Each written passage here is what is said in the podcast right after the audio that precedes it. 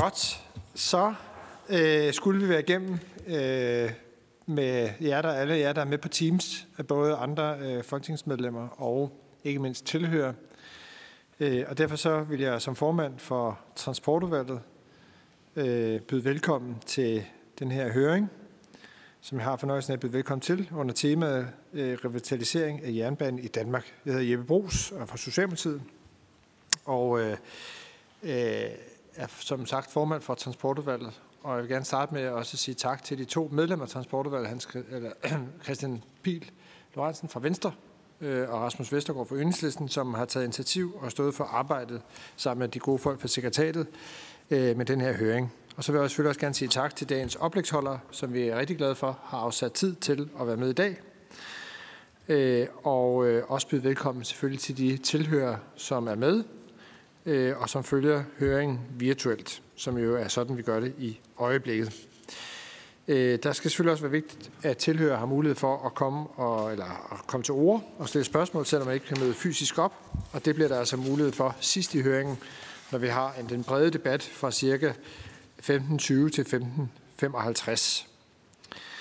Jeg kan selvfølgelig ikke love, at alle kommer til ord, men, men vi forsøger at gøre sådan så, at så mange kommer til ord som overhovedet muligt. Så har jeg lige noget praktisk information. Oplægsholderen skal være opmærksom på at selvfølgelig overholde den aftalte tid, øh, ellers når vi ikke godt igennem programmet.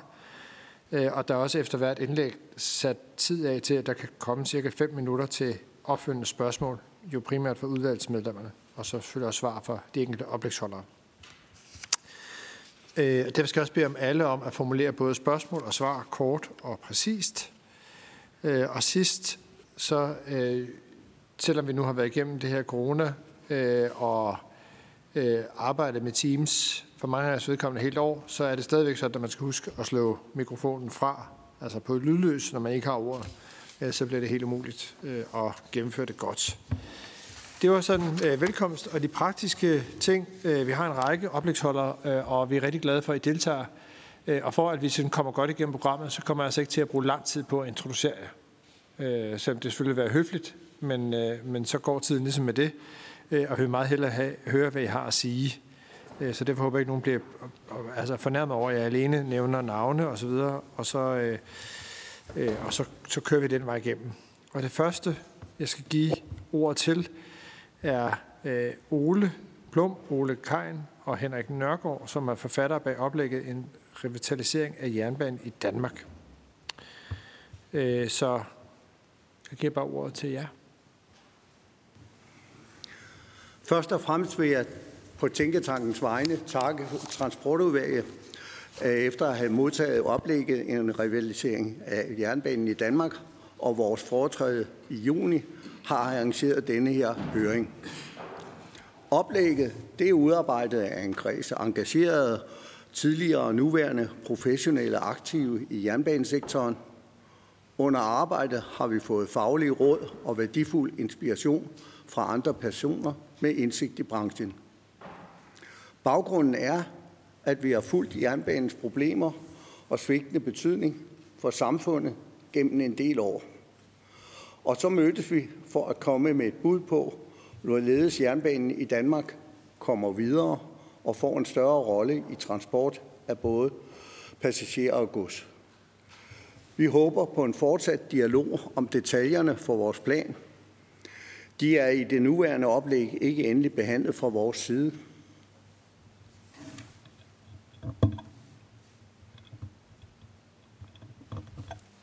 Ja, så er det mig, der så ordet. Henrik Nørgaard. Jernbanen er stadigvæk syg, og det er ikke bare af akut øh, corona, selvom det selvfølgelig også medvirker til de aktuelle pinsler vi øh, i vores tænketank, som har lavet oplægget her, øh, vi tilslutter os øh, til fulde øh, citatet fra øh, serviceeftersyn af jernbanen, som jo udkom sidste år. Og citatet lyder, og I kender det alle sammen. Jernbanen i Danmark fremstår i dag nedslidt, umoderne og udfordret. Og det er jo en udfordring, må man sige.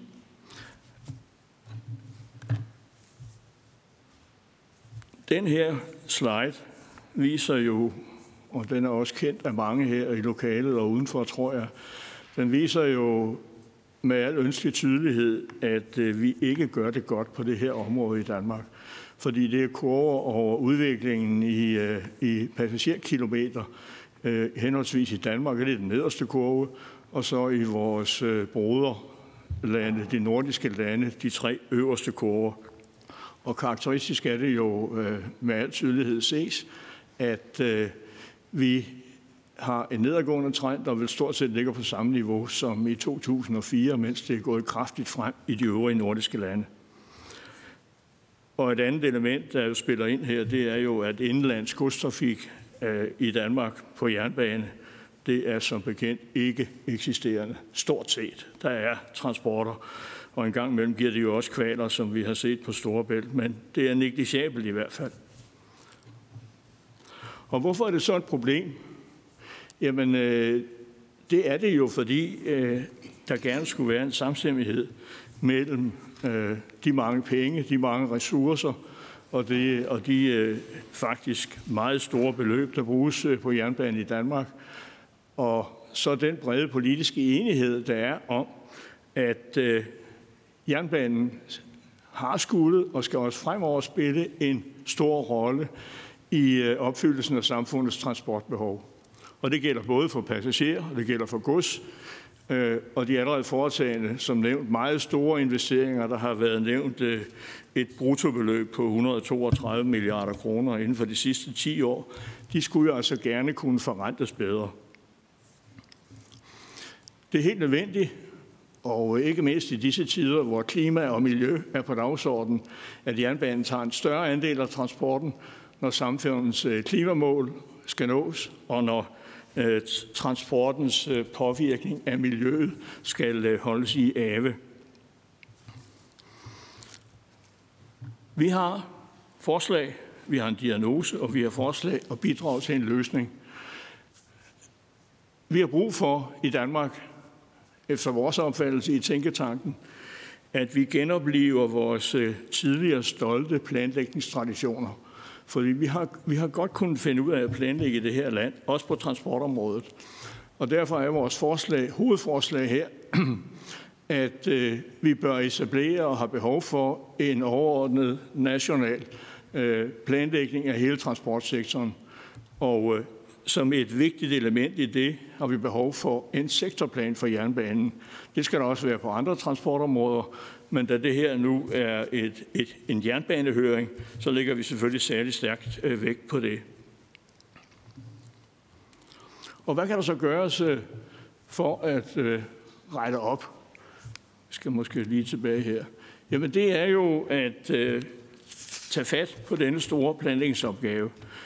Øh, men det er også at øh, vi får kigget på en øh, ændret organisering i jernbanesektoren, der kan sætte kunden i fokus, tydeliggøre ansvars- og opgavefordelingen og langt bedre understøtte de politiske beslutningsprocesser. Det vil Ole Kien vende tilbage til, om ikke så længe i den anden del af vores indlæg her. På planlægningssiden, jamen øh, det der med, hvordan man planlægger, hvordan man øh, prioriterer investeringer, der kan man kigge på, på den slide her som er taget fra børsen på et eller andet tidspunkt her for ikke så længe siden, men som jo også har en kilde her i Folketinget, nemlig at begrebet intern rente har, våget, har fået øh, et næsten øh, religiøst øh, præg i måden, vi prioriterer investeringer på. Og det er et af vores budskaber, det er, at der skal en langt mere øh, nuanceret, en langt mere øh, kan man sige, vidtspændende prioriteringsmekanisme ind.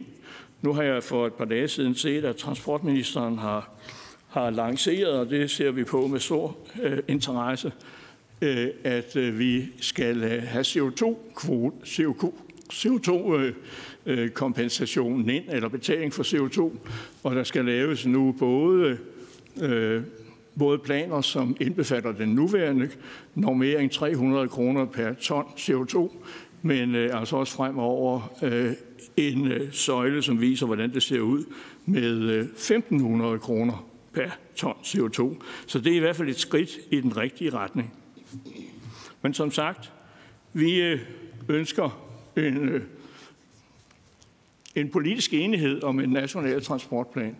Og den skal selvfølgelig opfylde en række formål, som øh, jeg ikke vil læse op her. Det kan man se på planchen. Men øh, det skal selvfølgelig være et katalog, som helt overordnet stikker sig ind under en paraply af overordnede mål.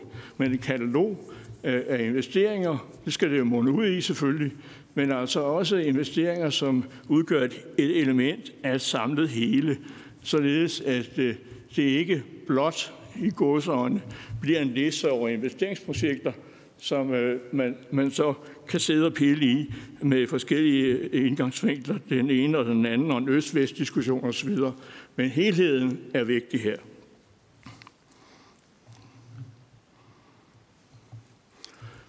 Og som et øh, eksempel på, at sådan noget godt kan lade sig gøre, vi får nok også at høre noget tilsvarende fra vores norske øh, øh gæsteforelæser lidt senere. Men det her det er jo et, et meget overordnet øh, eksempel på, hvordan man gør i Sverige, øh, hvor man altså gennemfører rullende overordnede planlægningsrunder, og rulling, rullingen sker typisk hver fjerde år, og den tager så udgangspunkt i nogle helt overordnede transportpolitiske mål, og efterfølgende så arbejder man, arbejder man altså så ned i planlægningshierarkiet. Det tror jeg også godt, eller tror vi også godt, at vi kan finde ud af her i landet.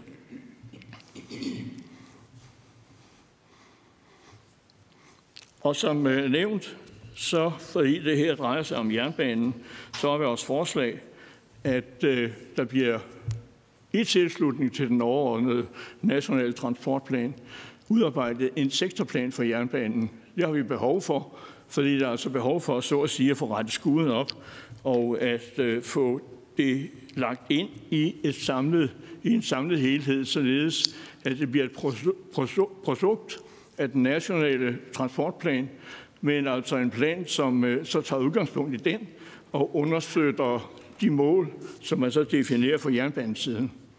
Og øh, det er så den anden del af vores øh, forslag til en reformering af planlægningsmetodikkerne her i landet på transportområdet.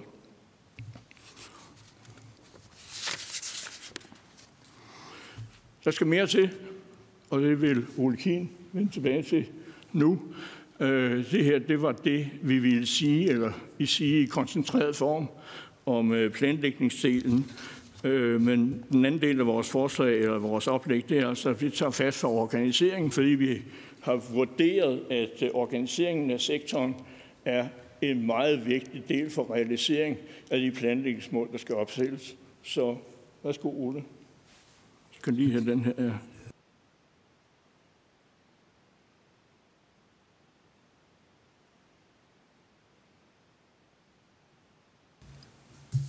Ja, tak for ordet.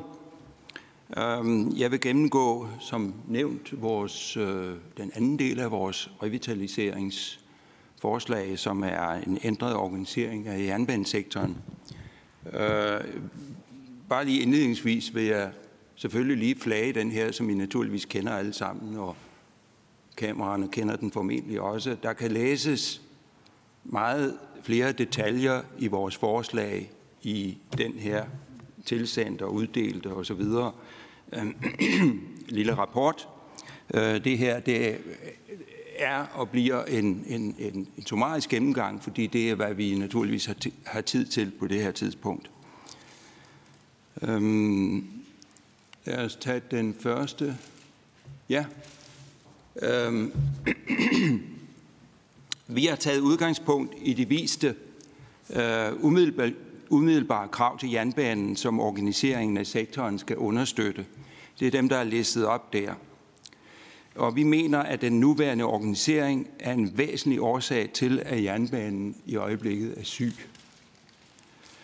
Øh, den nuværende organisering stammer fra boddelingen mellem DSB og Danmark tilbage i 1997, hvortil der er kommet en række senere ændringer og knopskydninger i årenes løb. Det er måske ikke specielt ideelt, så der er brug for at nytænke organiseringen. Det tager lige lidt tid, fra man trykker til, der kommer noget. Der kom den.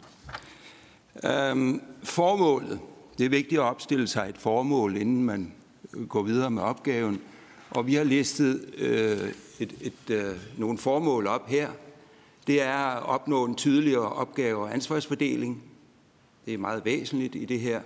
Og så det andet meget væsentligt, at kunderne skal sættes i fokus. Det gælder både passagerer, men sandelig også godskunderne.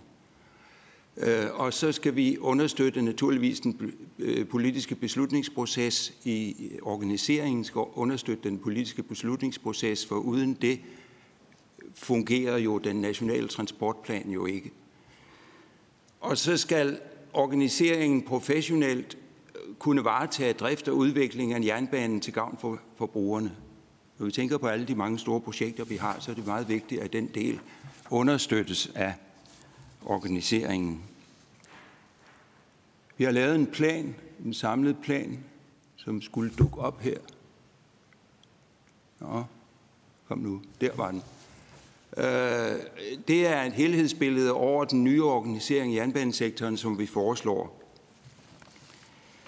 Øhm, jeg vil lige kort gennemgå øh, den figur der, og så vil jeg komme ind på de enkelte dele af organisationen. Vores øh, forslag ser sådan der ud. Ideen i det her er at opnå en tydelig opgave- og ansvarsfordeling, så det bliver meget mere klart, hvem der har myndighedsopgaverne, hvem der har ansvaret for infrastrukturen og for materiellet, og hvem der har øh, ansvar for det primære, nemlig at tilgodese kundernes interesser. Den centrale del i den nye organisation er Jernbanestyrelsen, det er den, man ser i anden linje til venstre – som, den skal være en jernbanefaglig, stærk partner for resten af sektoren og for ministeriet.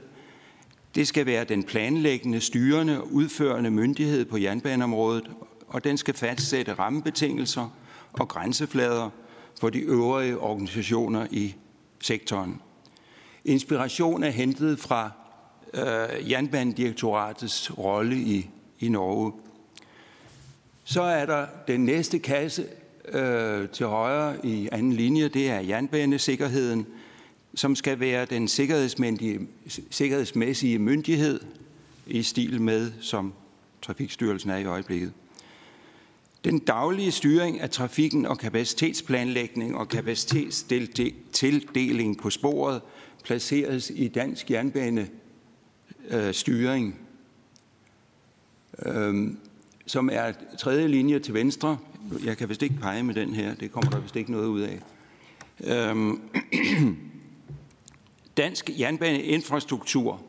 Den næste kasse Øh, er infrastrukturforvalteren, som, for, øh, som varetager baneanlæg, stationer, ejendomme og arealer, og hvis opgaver nu koncentreres om anlæg og vedligeholdelse og administration af infrastrukturen. Det er altså en koncentrering omkring de tekniske opgaver. Jernbanemateriellet til offentlig servicetrafik samles i dansk jernbanemateriel. Den tredje kasse fra venstre i tredje linje, for dem, der ikke lige kan se det. Jeg kan stadig ikke pege. Øhm, de regionale trafikselskaber reduceres fra de nuværende fem til tre. En i nord, en i syd, en i øst. Og formålet er at få en bedre koordinering af trafikken. De skal udbyde alt regional- og lokaltrafik, inklusiv S-tog, metroen og på letbanerne. Det er koordineringen her, der er vigtig mellem alle de forskellige transportudbud. Øh, Så er der togoperatørerne i nederste linje, de blå, mørkeblå. Øh, uden navn, de omfatter DSB, de omfatter Arriva og lokalbaneselskaberne og øvrige private operatører, der måtte dukke op og have lyst til at trafikere de danske spor. Så er der de følgende billeder, som vi har forberedt her. De redegør mere for de enkelte organisationer og de ændringer, Øh, der sker i forhold til den nuværende organisering. Jeg vil gennemgå dem forholdsvis summarisk af hensyn til tiden, som nævnt, men som jeg lige nævnte, øh, nærmere kan læses i vores oplæg til revitaliseringen, ligesom præsentationen her vil blive, blive øh, øh, tilgængelig efter høringen.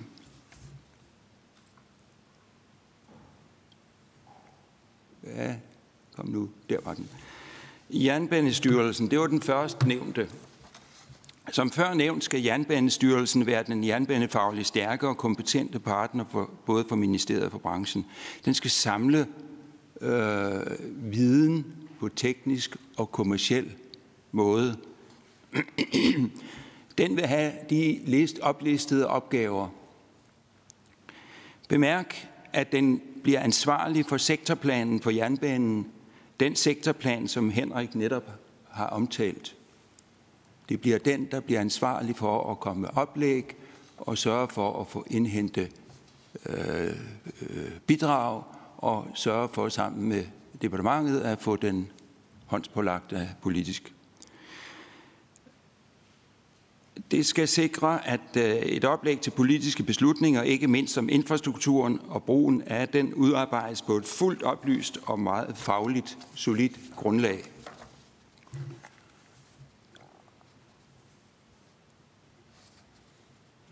Og der er lidt ventetid her. Hvor, hvor, kan vide, hvor den skal pege hen af for at virke?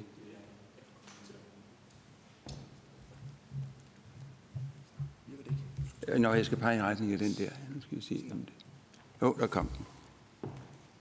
Øh, jeg synes, der var... Jo, det er rigtigt. Øh, jernbanesikkerhed. Jernbanesikkerhed overtager opgaverne fra Trafikstyrelsen vedrørende regulering, godkendelse og tilsyn på jernbaneområdet i forhold til jernbaner, metro og letbaner. Og som det ses her, der dannes den af, af den enhed, der i øjeblikket sidder i, i øhm, Trafikstyrelsen.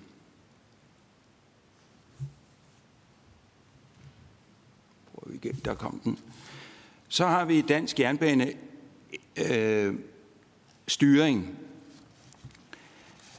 Formålet med en selvstændig organisation her af opgaver, der lige nu ligger i Ban Danmark, er at skabe en bedre balance i prioriteringen mellem kundehensyn i trafikafviklingen og hensynet til økonomien for vedligeholdelse og nyanlæg på jernbanen. I dag prioriteres vedligeholdelse og nyanlæg med udbredte sporlukninger til følge. Det går ud over sektorens omdømme, samfundsnytten af anlæggene, og det går ud over kundetilfredsheden og fører til tab af kunder, både passagerer og godskunder. På passagersiden kunne vi jo se det øh, i, som en del af den faldende kurve, som Henrik viste før.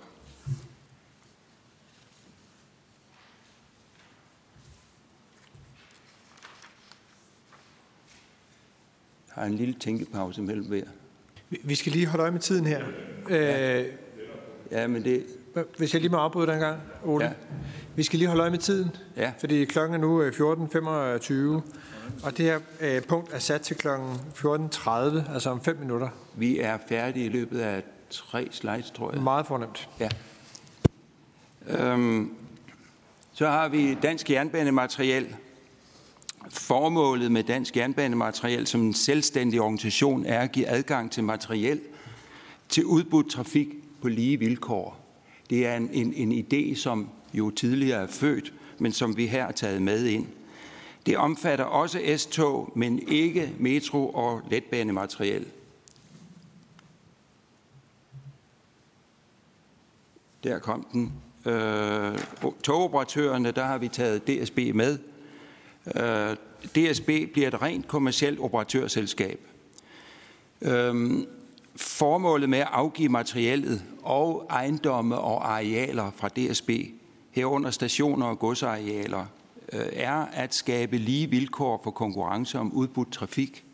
Det er, at ejendomme og arealer primært skal tjene til jernbaneformål og ikke gøres til genstand for kommersiel udviklingsvirksomhed, hvis det ellers kan bruges til jernbanen. DSB beholder ejerskabet af eventuelt materiel til fri trafik. Så er der trafikselskaberne. Antallet af trafikselskaber reduceres som nævnt til tre selskaber for at få en bedre koordinering af trafikken – Formålet er at sikre en fuldstændig samordning mellem alle kollektive trafikformer på skinner og vej, der udføres som regional eller lokal offentlig servicetrafik. Trafikselskaberne skal planlægge og udbyde trafikopgaver, der udføres af operatører på kontrakt med pågældende trafikselskab. Selskaberne skal samarbejde om den regionsoverskridende regional- og bustrafik. Og så vil jeg give ordet videre til Ole Plum, som vil omtale lokalbaneselskaberne og afslutte vores indlæg.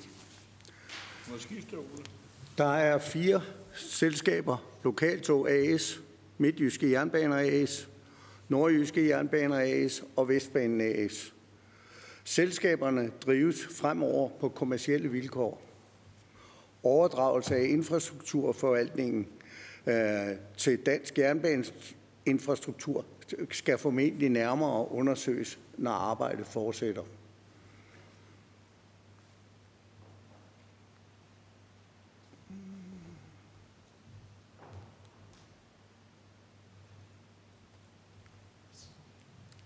Jeg er der nu. Ja. Øh, jeg gør opmærksom på, at forslaget, som vi nu har præsenteret for jer, omfatter de overordnede rammer for en ny organisering, og at der naturligvis fortsat er detaljer, som skal afklares, og bedst bliver det i samarbejde med de berørte organisationer. Den samlede omlægning vil være vores, efter vores opfattelse kunne bidrage til, at trenden vendes for jernbanen i Danmark, så passager og godstrafik med tog igen bliver et agtet transportalternativ til gavn for samfund, borgere og virksomheder. Tak.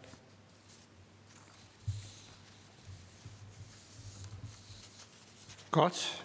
Øh, tusind tak for et meget, meget grundigt arbejde op til, og, og ikke mindst også i forbindelse med præsentationen her. Øh, vi har lige fem minutter, og ikke mere end det, øh, fordi så skal vi give ord til transportministeren, der også har en bagkant, en skarp bagkant, øh, og går lidt i træ. Så, så vi, der er lige plads til, til et par enkelte spørgsmål, og jeg ved, at Christian Pil gerne vil på, og det vil jeg også gerne selv. Og så jeg ved jeg, at vi har også Rasmus med på team, som måske andre, men så markerer lige. Christian, værsgo. Tak formand. Jamen, jeg vil gerne sige tak for både jeres oplæg fra 2019, øh, som vi har læst med interesse, og som jo har ledt frem til den her høring, men også for jeres oplæg her. Øh, I peger på, at jernbanen er syg, og, og det er jo en lidt bombastisk udtalelse, men der er jo noget om snakken.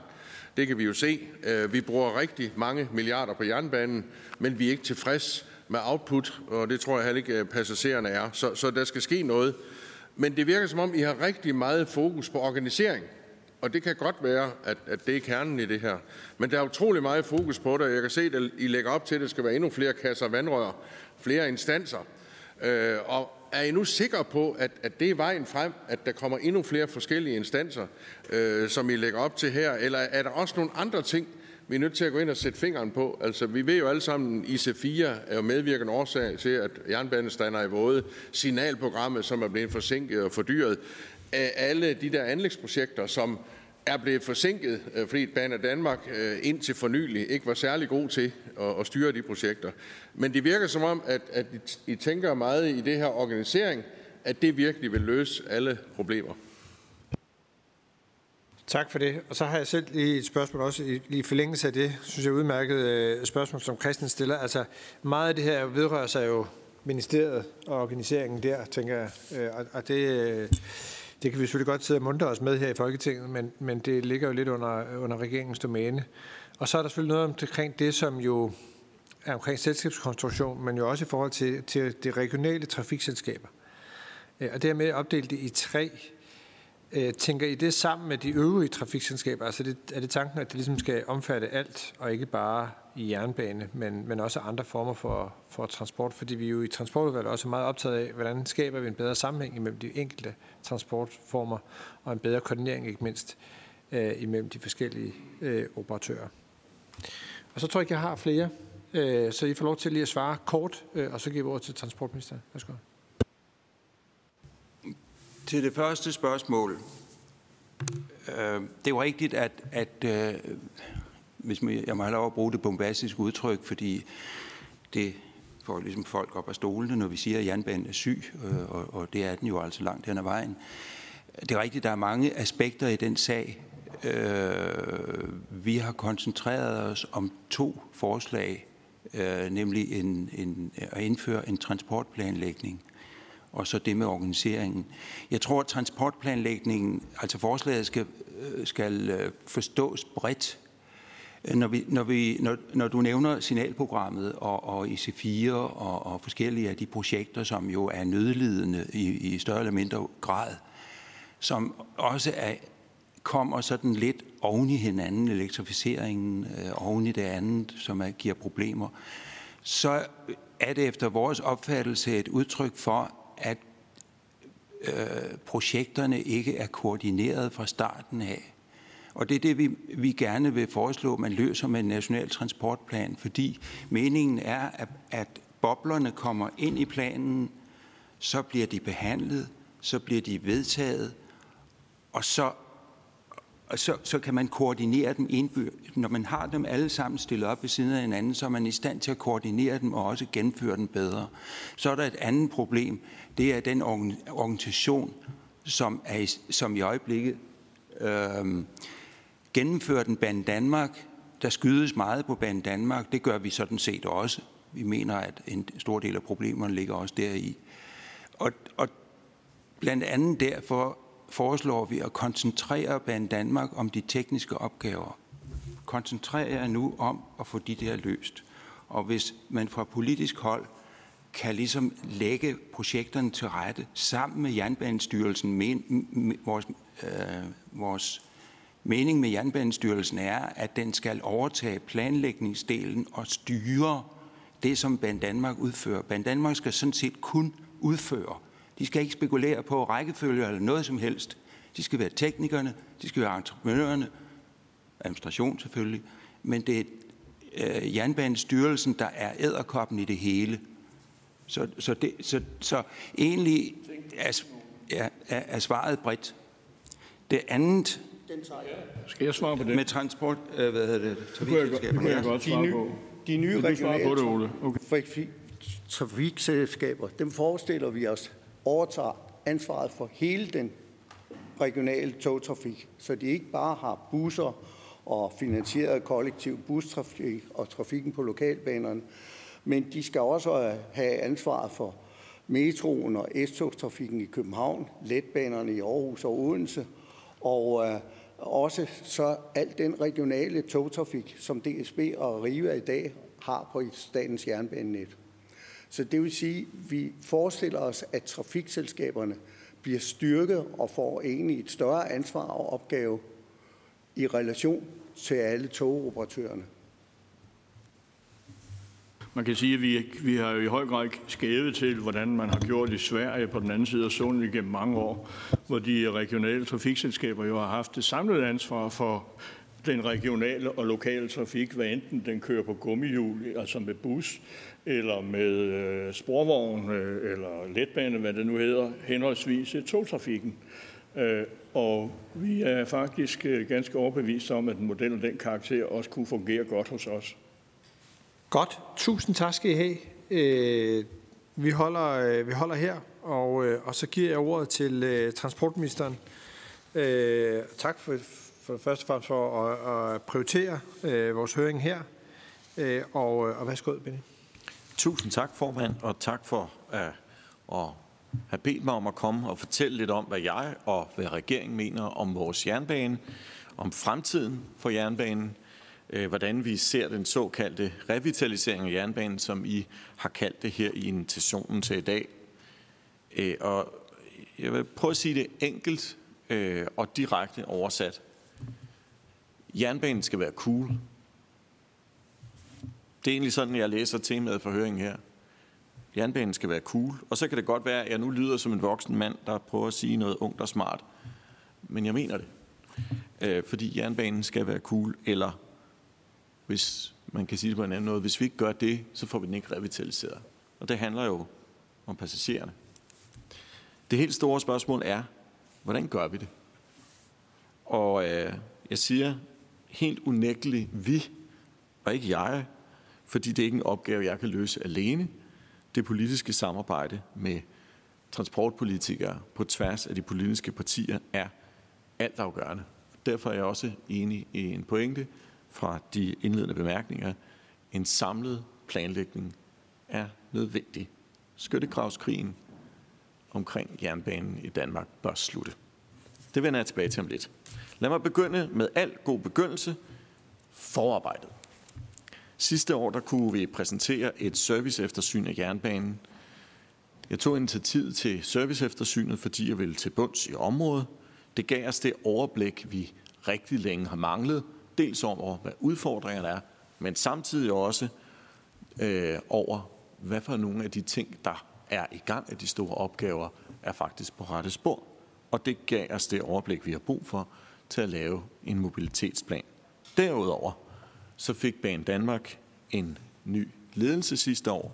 En ledelse, som har en helt anden og langt mere professionel tilgang til opgaven.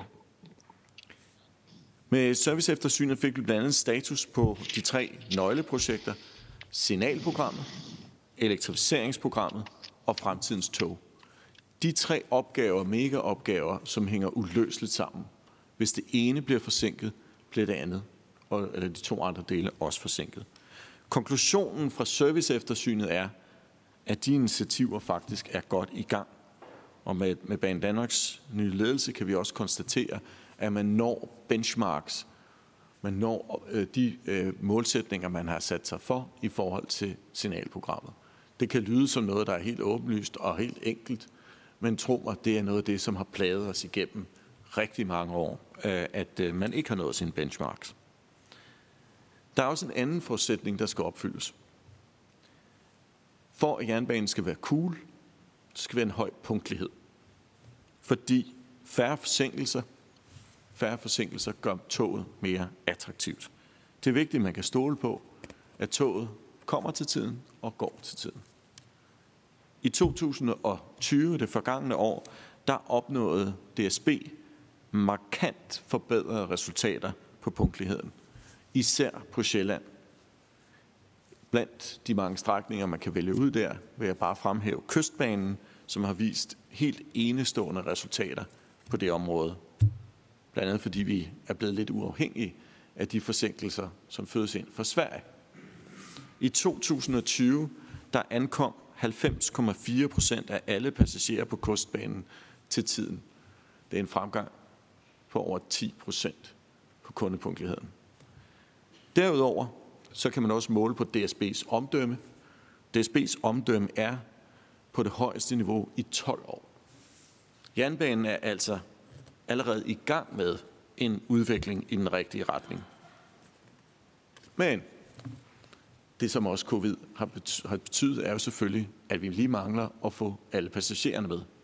Fordi vi har sådan set bedt passagererne om ikke at frekventere togene alt for meget, og hvis de gør, så helst holde rigtig god afstand. Vi har også brug for at investere mere i jernbanen. Vi har brug for at bevare den gode udvikling i hele landet. Og vi har først og fremmest brug for at investere mere tid og mere opmærksomhed i opgaven. Ellers så bliver jernbanen ikke det attraktive kollektive transporttilbud, vi gerne vil have. Og det leder mig tilbage til medlemmerne af transportudvalget og transportordførende.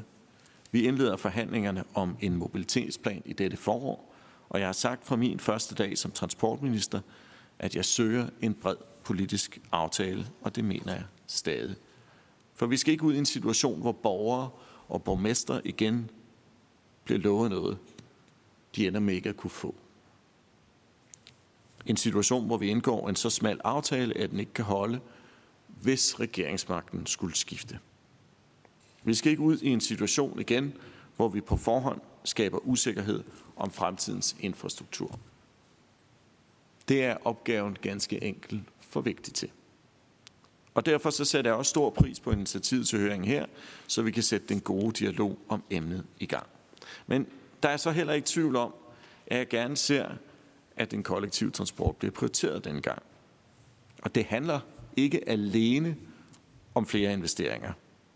Der skal mere til at skabe en cool jernbane end bare investeringer. Det handler for eksempel også om de små ting.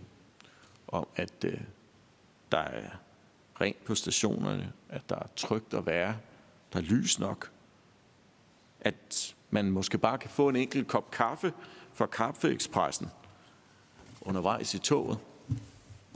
Et andet eksempel på noget af det, som vi har taget initiativ til i det forgangne år på grund af covid, det har været sommerparken. Og den har lært os noget. Den har nemlig lært os, at pludselig så blev toget lidt tilgængeligt og billigt for de fleste, når man skulle krydse Øh, mellem landsdelene. Der var to muligheder. Enten så kunne man købe en orange billet til maks 99 kroner, eller man kunne øh, hoppe på et øh, tog øh, en uges tid, køre rundt i Danmark med rejsepasset for 299 kroner. Og man må bare sige, ja, det blev faktisk cool med sommerparken og rejse med toget i sin ferie. Det er en god start at lokke folk tilbage i toget, hvis man får en god rejseoplevelse. Og derfor så glæder jeg mig også over, at vi til næste år i august forventes at få internationale nattog tilbage på de danske jernbanespor, når øh, de øh, forventes at rulle fra Sverige via Danmark øh, til Tyskland og videre til Bruxelles. Det er i øh, denne tid med særlig fokus på øh, CO2-reduktioner en alternativ måde at rejse, på, øh, rejse ud i verden på, ud i Europa på, som jeg tror vil vinde genklang.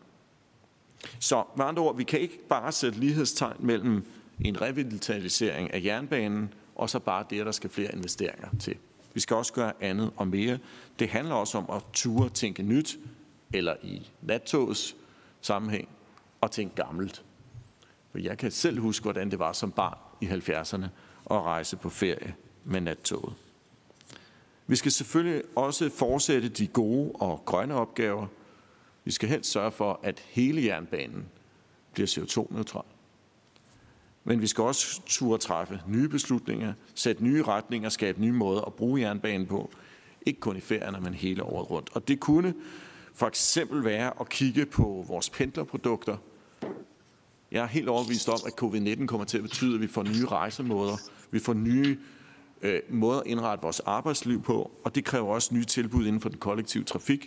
Vi skal følge med tiden, og måske også, tør jeg sige det, måske også være et skridt foran. Vi har med andre ord en rigtig stor opgave foran os.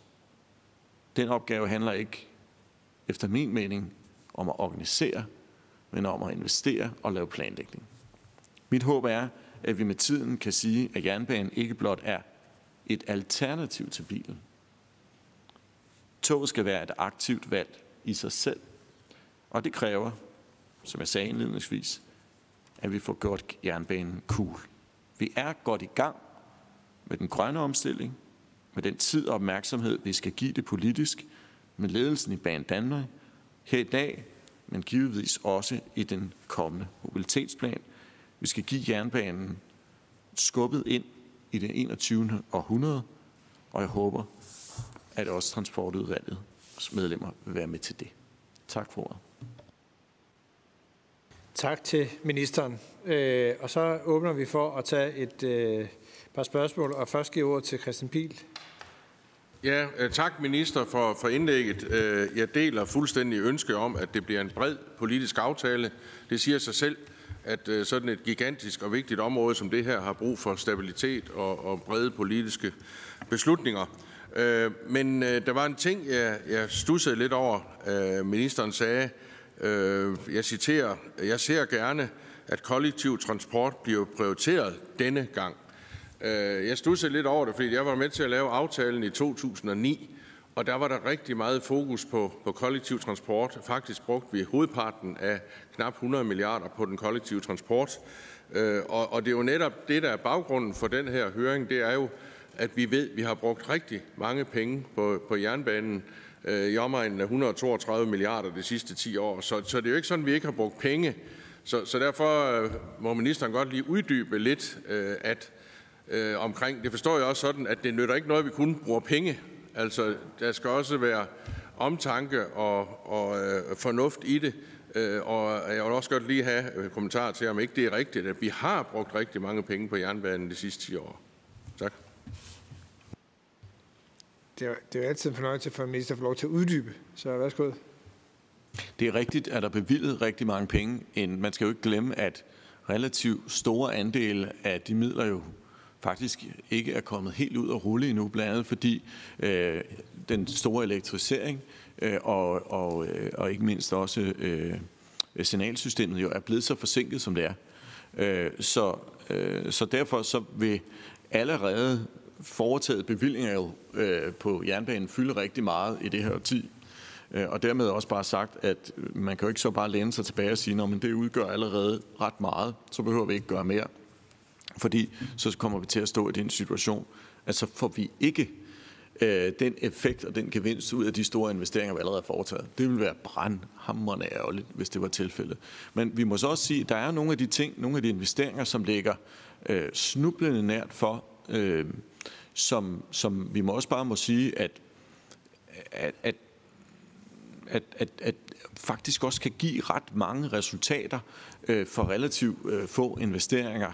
En af de allerstørste flaskehalse, lad mig bare, bare nævne den, uden at skulle gå ind i alle mulige konkrete enkeltprojekter. En af de største flaskehalse, vi overhovedet har på jernbanen, det er øh, Ringsted, Øh, øh, fordi øh, tog skal krydse hinanden, og ser når, når femeren øh, åbner, så, så vil vi få øh, øh, masser af udfordringer med, at, at både passagertog og, og godstog skal krydse hinanden i, i Ringsted, og, og så længe de ikke gør det ude af niveau, jamen så skal togene vende på hinanden. Øh, og det vil sige en, en investering øh, omkring at løse Ringsted en østlig, en vestlig, en nordlig, en sydlig, øh, kort sydlig, langt sydlig, og uanset hvilken model man vælger, så vil det, øh, så vil det være et, øh, et kæmpe skub til at sørge for at få rettidigheden op. Eller et, et, et andet godt eksempel, det grønne, som vi på tværs af de politiske partier jo går op i, hvordan nedbringer vi CO2-emissionerne fra, fra jernbanen, men der er der ingen tvivl om, hvis vores øh, regionale og lokale tog bliver ved med at køre diesel, øh, Øh, så langt øjet rækker, så kommer vi jo ikke i mål med det her. Og derfor øh, så er jeg rigtig glad for den analyse, som Banen Danmark øh, netop har lavet, der viser, at hvis man elektrificerer ved hjælp af batteriteknologi, øh, batteritogsteknologi, så kan vi elektrificere hele den danske jernbanesektor for 750 millioner. Og det er 750 millioner, ja, det er mange penge. Men i en jernbanesammenhæng er det virkelig ikke mange penge. Øh, så, så der er også nogle lavt hængende frugter, som vi selvfølgelig skal formå at, at kigge nærmere ind i, når vi nærmer os øh, mobilitetsforhandlingerne. Ja, lige øh, et kort opfølgende spørgsmål. Jeg forstår, at ministeren kan ikke være her øh, under debatfasen øh, her i, i høringen. Derfor vil jeg godt lige øh, bede ministeren om en kort refleksion på de to hovedforslag, vi har hørt, at vi får en bedre national øh, transportplanlægning, hvor jernbanesektoren er en del af det, og det andet forslag, at vi, vi omorganiserer øh, det på en, øh, organiserer det på en ny måde. Ja, jeg skal beklage, at jeg ikke kan være med til det hele, og det skyldes øh, dels, øh, at der er et øh, regeringsinternt møde, jeg skal deltage i, men det er faktisk også, fordi jeg skal i Folketingssalen og svare på paragraf 20 spørgsmål, og da det er sådan, at der har været en hasteforspørgselsdebat, så er hele salen blevet skubbet. Så det skal jeg beklage rigtig meget. Forslaget om at, øh, at lave en samlet planlægning, øh, ja, det, jeg, jeg tror nærmest, jeg har sagt det eksplicit allerede, det er en rigtig god idé at tænke tingene samlet, lave rullende planlægning. Øh, det har jeg også indikeret er regeringens målsætning, øh, at, at det er det, vi ønsker at gøre. Øh, så, så det, er, øh, det er jeg fuldstændig enig i. At lave en reorganisering af øh, af, af, af jernbanen, af, af, af, af, af det bagvedlæggende, på et tidspunkt, hvor vi langt om længe har fået en professionalisering af øh, Banen Danmark, hvor vi også har måttet sande, at øh, nogle af de øh, eksterne leverandører, der har været på jernbanen, øh, Øh, at, at de ikke har kunnet levere. Altså man har været nødt til at lave øh, og kigge på insourcing af, af nogle af de helt kernespecifikke opgaver, fordi vi bare må sige, at vi kan ikke overlade Øh, vi kan ikke overlade øh, nogle af de mest centrale og vigtigste opgaver på jernbanen til eksterne leverandører, der kan skalte og valde med, hvornår man kan gennemføre et projekt eller ikke gennemføre et projekt. Det går ikke. Øh, så, så jeg øh, må sige, at nu er vi nået et meget langt stykke vej der, Øh, at Banedanmark kan blive en meget mere præcis ordregiver til eksterne leverandører. Øh, det tror jeg, at alle i sektoren vil, vil sætte stor pris på, og det synes jeg, vi skal høste frugterne af. Når det så er sagt, så vil jeg også sige, at, at de ord, der er sagt om, øh, om nogle af de gevinster, der er opnået øh, i de regionale trafikselskaber, især NT, øh, synes jeg jo så også er rigtigt. Altså fordi det, at man ikke øh, spreder opgaven ud, men tværtimod samler opgaven på så få hænder og med, med en klar øh, ansvarlighed. Øh, det, det er jo også vigtigt, og det synes jeg jo er, under alle omstændigheder også er det vigtige hos Banen Danmark, altså at der, må, der skal være en fuldstændig klar og tydelig ledelse, øh, som, øh, som også øh, står på mål for, for de beslutninger, der træffes. Og jeg frygter, at hvis man spreder tingene ud over mange styrelser, så vil der også være mange, der kan lave ansvarsforflygtigelse. Øh, og det, det tror jeg ikke vil være gavnligt. Det, som vi vel først og fremmest har savnet i jernbanesektoren igennem øh, mange år, det har været dels en klar politisk retning, det håber jeg, vi kan give med mobilitetsplanen, og så derudover også et, et, en, en entydig ansvar, et entydigt ansvar, som, som ligger øh, på nogle, øh, på nogle øh, hænder, som også påtager sig det ansvar. Det tror jeg, at den det mix er vi efter mange år nu nået frem til. Også, øh, og det vil jeg gerne anerkende, efter en, øh, også en, en, en klar og tydelig kritisk tilgang, øh, også fra øh, eksempelvis øh, øh Christian P. Lorentzen og, og, og, øh, og, og, og Venstre øh, og andre partier i, i øvrigt. Øh, det, det har været et udbredt ønske, at, at der kom en mere øh, en større grad af klarhed på det område. Godt. Tak for det, og tak til øh, ministeren. Så der varmet godt op også til fremtidens drøftelse omkring det her spørgsmål. Ja, og god fornøjelse med møder og salen, ikke mindst. Det er altid en spændende oplevelse. Og så går vi videre i programmet og øh, har fornøjelsen af at give øh, ordet videre til Henrik Friis, der er chef for Dansk Infrastruktur under Dansk Industri. Ja, tak for ordet. Jeg vil starte der, hvor Henrik Nørgaard slap, med at se, hvordan er det lige gået de sidste 10 år. Og der er noget, man skulle gå op her, ikke? Hvor er det måske? Jo, der, det virker. Fordi, hvis vi kigger tilbage øh, på den sidste store aftale, vi havde omkring infrastrukturen, det var i 2009, hvor der blev indgået en grøn transportaftale, så var der store ambitioner for den kollektive trafik. Man afsatte faktisk to tredjedele af samtlige investeringer til den kollektive trafik, og næsten 60 procent til jernbanen. Og man havde en ambition om, at man skulle fordoble antallet af personkilometer på jernbanen, og at jernbanen skulle fylde mere. Og det var en meget bred politisk aftale med alle undtagen enhedslisten. Og det var så jeg valgt at tage udgangspunkt i 2010, og så set, hvis vi nu går 10 år, godt vel 10 år tilbage, hvordan det så er gået med de flotte ambitioner, som alle støtter, det gør vi også selv i Dansk Industri, med at den kollektive trafik skal fylde mere. Og hvis vi ser på status i dag, så må vi sige, at det er gået baglæns. Øh, det her, det er tal fra øh, det, der hedder Eurostat, hvor vi har valgt at se på nogle nabolande for at se på, hvordan er det så gået med den kollektive trafik, eller jernbanen, som jo er hovedpulsåren. Og øh, for herhjemme, der er det faldet fra knap 10 procent til 8 procent. Når tallene er så høje her i forhold til dem fra Danmarks Statistik, fordi jeg er helt sikker på, at der er teknikere her til stede, så skyldes det, at Eurostat opgør andelen af transportarbejde lidt anderledes, fordi man har ikke cykler, skibe, fly med, man har heller ikke metro, letbane og lokalbaner med i i, i nævneren, og derfor så bliver tallet lidt højere. Men det er jo ligegyldigt, for vi sammenligner det med det samme base på tværs. Og det vil sige, hvis vi ser på, på jernbanens andel af det samlede transportarbejde, altså hvor meget vi bevæger os rundt i samfundet med bil eller kollektiv trafik, så må man bare sige, at det er gået tilbage herhjemme, mens alle vores nabolande, der har de haft fremgang.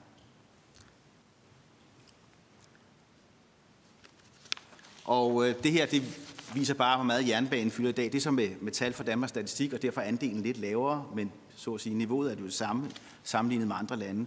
Og der kan man jo se, at det først og fremmest er kan man sige, vejene, øh, der, der, der fylder. Øh, de fylder over 80 procent, og det har været stigende igennem de sidste 10 år.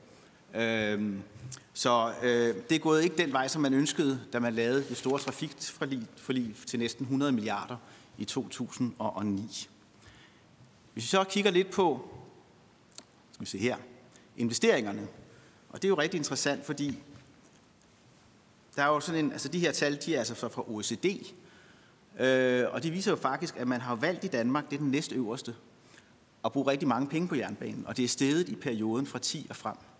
Så man har brugt pengene, som man fik bevillet i 2009 med en grøn øh, transportaftale. Og vi ligger faktisk i top i forhold til de lande, som jo altså har formået at løfte øh, jernbanen. Øh, Norge ligger toppen. Det er heller ikke så underligt, hvis man tager til Norge og ser, hvilke infrastrukturprojekter de har ved fjelle og fjorde. Så det er klart dyrere. Vi har også medlemmer, der laver faktisk øh, øh, jernbanearbejde i Norge. Og det er en helt anden udfordring end at lave jern. Det er faktisk rimelig let at lave jernbane i Danmark i forhold til et bjerglandskab. Men vi bruger faktisk øh, rimelig mange penge. Det her det er set per øh, 1000 euro per indbygger. Så vi bruger faktisk penge på jernbanen herhjemme i forhold til vores nabolande. Vi her. Yes. Nu tager jeg så lige et hurtigt. Jeg har tre minutter tilbage. Jeg har taget fire lande, og øh, man kan selv læse på, jeg vil ikke gennemgå tallene, men altså hvis vi ser på, på Sverige, så har vi øh, haft, hvis vi ser på passagertal, en vækst på 50 procent i antallet af passagerer. Og 30 procent, hvis vi ser på personkilometer. Personkilometer, det er, hvor meget man rejser på jernbanen. Skal vi se her. Næste. I Norge, der er det også gået frem, ikke så voldsomt, men ganske pænt frem.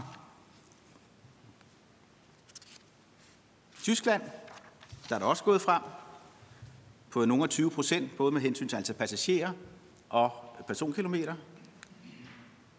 Og Storbritannien, som jo man elsker at skælde ud, de har faktisk en meget velfungerende jernbane, og der er det også gået frem. Øhm, og så kan jeg jo så lige sammenligne med Danmark. Nu må jeg ikke blive skuffet. Men der er det gået tilbage.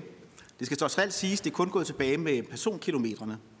Øh, det er den nederste akse, der er, vi, der er det gået 4% tilbage. Men det er jo altså også, man kan sige, man havde en ambition i 9 om, eller det var i 10, ambitionen kom, man skulle have fordoblet antallet af personkilometer på jernbanen, og i stedet for, så har vi haft et fald på 4%, så det er ikke rigtig indfriet. Der har været en vækst øh, i antallet af passagerer på 11%, men det er faldet her de seneste år. og, og nu går vi jo kun til 19, så jeg tør slet ikke at tale om corona. Men det gælder selvfølgelig også for andre europæiske lande. Og for at formidle lidt, så hvis man tager lokalbanerne med, så ser det faktisk ikke så slemt ud. Så tager vi jo faktisk og tager lidt af faldet, og det er fordi faktisk lokalbanerne har formået at have vækst øh, på, på deres net. Det er meget forskelligt. Der er øh, stor succes i lokalbanerne øh, på Sjælland, der faktisk øh, har både vist øh, fremgang i passagerer og antal personkilometer. Og derfor, hvis vi ser på det samlede net, så er det ikke så stort et tab eller tilbagegang, som vi ser hos, alene hos Banen Danmark. Og så vil jeg lige her til sidst afslutte med elektrificering, fordi det er en af de helt vigtige ting. Hvis vi kan få den frem her.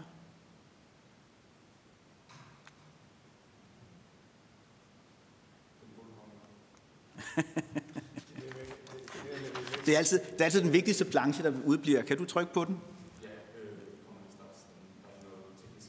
Jeg har to minutter endnu, kan jeg se. Så... Øhm. Men øh, en af de ting, som øh, flere har, har nævnt, det er jo, at, at, vi ikke har fået elektrificeret nok, og det er jo fuldstændig rigtigt. Hvis vi ser tilbage til 2009, så var jo målsætningen, at vi i dag kunne have kørt med eltog til Aarhus. Vi skulle have haft eltog til Aarhus i 2020. Her i 21 der skulle vi have haft eltog til Holbæk. Vi er ved at sætte, det gør vi faktisk selv, vi er ved at sætte master op, men der kommer aldrig strøm i dem, fordi at man kan ikke immunisere. Og det vil sige, at vi hænger for øjeblikket, vi elektrificerer uden at have el i ledningerne. Og det er jo lidt gak i låget. Men det er jo der, vi er kommet på grund af øh, signalprogrammet. Jeg er enig med ministeren i, at det går faktisk frem med signalprogrammet, men det er jo også med en, en øh, udskydelse på ni år. I år skulle vi have været færdige med signalprogrammet. Det var planerne tilbage i 2009. Og vi skulle have haft en topmoderne jernbane, det var det, der stod i aftalen, med eltog og øh, høj pålidelighed. Og det er jo ikke det, vi har fået. Og det kan vi også se her. Altså, vi hænger jo bagud i forhold til alle de andre europæiske lande. Vi kunne også have fortsat med andre lande. Nu tror jeg bare de lande, som jeg har valgt i dag.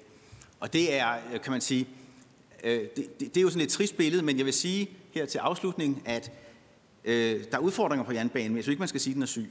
Altså, det er ting, der kan løses det her. Men vi skal sørge om i gang, hvis vi skal nå en målsætning om, at vi skal have vækst. Så tak for ordet. Selv tak. Øh, øh, hvis jeg lige må stille bare et spørgsmål til det sidste her, altså elektrificering af jernbanen. Øh, spørgsmålet er, om, altså om tiden at løbe stærkere end projektet. Forstået på noget, giver det stadig mening at holde fast i det projekt i det omfang, eller burde man prøve at tænke det anderledes? Her er det både og. Øh, der foregår rigtig meget, ikke bare på batteri, men også på brint. Men skal vi tage de hovedstrækningerne, så er det stadigvæk elektrificering. Øh, men der er ingen tvivl om, at vi kigger vi frem mod 30, så er der også både batteritog, for eksempel på, når vi taler om regionalbaner, der er det oplagt. Men skal du op i de store hastigheder, så er det stadigvæk el. Og derfor er det fornuftigt at fortsætte elektrificeringen. Øhm, det, der bare er vigtigt, det er, at vi kan ikke vente øh, til 27. Med de nuværende planer hos Banen Danmark, der har vi el til Aarhus 27 i bedste fald hvis der ikke sker færre udskydelser. Og der, vi kan ikke vente så længe, hvis vi skal have vendt udviklingen på jernbanen. Og vi ved jo ikke, om vi får el øh, til, til Holbæk i 324. Det afhænger jo af signalprogrammet. Signalprogrammet er ligesom en stor bowlingkugle, der vælter alle kejlerne. Øh, og det, der er kan helt store udfordring, det er, om man har udskudt færdiggørelsen til 30. Og det vil sige, at vi kan først have en jernbane, der er i orden i 2030. Øh, og der kan vi godt frygte, at der er rigtig mange passagerer, der er forsvundet fra jernbanen. Øhm, så derfor er det utrolig vigtigt, at vi får sat øh, turbo på elektrificering, og det kan sagtens lade sig gøre. Nu skal jeg ikke blive teknisk, men der er noget, der hedder immunisering, der gør, at man beskytter de gamle signalanlæg for den højspænding, der kommer fra ledningerne. Det er gammel teknologi, man har brugt i Danmark tidligere, og man har også brugt i udlandet. Det kan sagtens gennemføres. Så har der været en masse problem, planlægningsproblemer. Man har ikke haft nok validatorer, altså dem, der skal kvalitetssikre øh, sikringsboksen, når man går ind og piller ved dem osv. Og, og det har jo betydet blandt andet, at man har aflyst elektrificeringen, altså at der skulle komme strøm i ledningerne til Holbæk. Og der er det utrolig vigtigt, at man får løst de der, hvad jeg vil kalde forholdsvis små problemer på jernbanen. Altså det må kunne lade sig gøre. Øh, mange på validatorer har været kendt siden 2016. Altså, så, ja. Tak for det. Så giver jeg ned på Christian Pihl. Det var et klart og godt indlæg. Jeg har ingen øh, spørgsmål. Godt. Jamen, øh, så siger vi tak, og så kommer der også en bredere debat, hvor vi jo øh, kan blande os øh, fint med hinanden. Øh, og øh, så går vi simpelthen videre til Norge, øh, til John Reiner Arset måske. Jeg er lidt usikker på, på efternavnet der, men som i hvert fald er statssekretær i det norske samfærdselsdepartement. Og John Reiner, er du med? Jeg er med. Tusind. Dere hører mig? Ja, det lyder så fint. Ja, men så bra. Øh, velkommen til, øh, til vores høring her i Danmark. Og øh, jeg, jeg giver dig blot ordet. Værsgo. Tusen tak for det. Tusen tak for invitasjonen. Det er selvfølgelig utrolig trist å måtte sitte her helt hjemme. Eh, vi sitter for det meste hjemme eh, og jobber, eh, også vi i politisk ledelse. Aller helst skulle jeg selvfølgelig ha vært i København i dag. Men tusen takk uansett for å få snakke litt om våre erfaringer med reform av jernbanesektoren i Norge. Og Da eh, blir presentasjonen styrt fra København, så da ber jeg om å bla til neste. Jeg skal ikke dra gjennom eh, hele jernbanehistorien eh, i Norge fra 2009, 2010 og frem til i dag. Jeg vil bare nevne at jeg tror vi kan si at 2010 var et slags breaking point for norsk jernbane. Da tror jeg vi erkjente at norsk jernbane var mer et museum eh, enn eh, moderne infrastruktur. Vi hadde enorme driftsproblemer. Eh, glasset var fullt, eh, å, hvis dere er kjent med den metaforen. Eh, Altså mange tiårs forsømt vedlikehold eh, viste seg å, å, å, komme til et punkt der, der, den rett og slett begynte å, å ramle sammen. Eh, og, og, vi fikk enorme driftsproblemer over hele landet. Så eh, det ble da satt i gang en, eh, en historisk satsing som, eh, som, jeg vil si har vært eh, tverrpolitisk. Eh, vi hadde en eh, rød-grønn regjering frem til 2013, og så har vi hatt en blå-grønn regjering eh, etter det. Så man startet en, eh, en satsing i, sånn, i, økonomisk forstand på jernbanen utover fra 2010. Og, og folk strømmer jo til jernbanen. Nå så jeg en utmerkede forrige taler vise, vise søylene her, hvor hvor eh, Eh, noen, noen av dem eh, satte Norge litt, eh, litt, langt ned på søylene. Men eh, faktum er i hvert fall at vi har eh, at vi, vi, ser at passasjerene strømmer til toget. Vi kjører så mange tog som det norske jernbanenettet kan kjøre.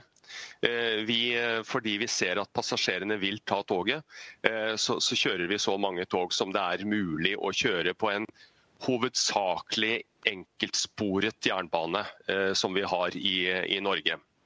Eh, men eh, utfordringene i jernbanesektoren kunne ikke løses av økte bevilgninger alene.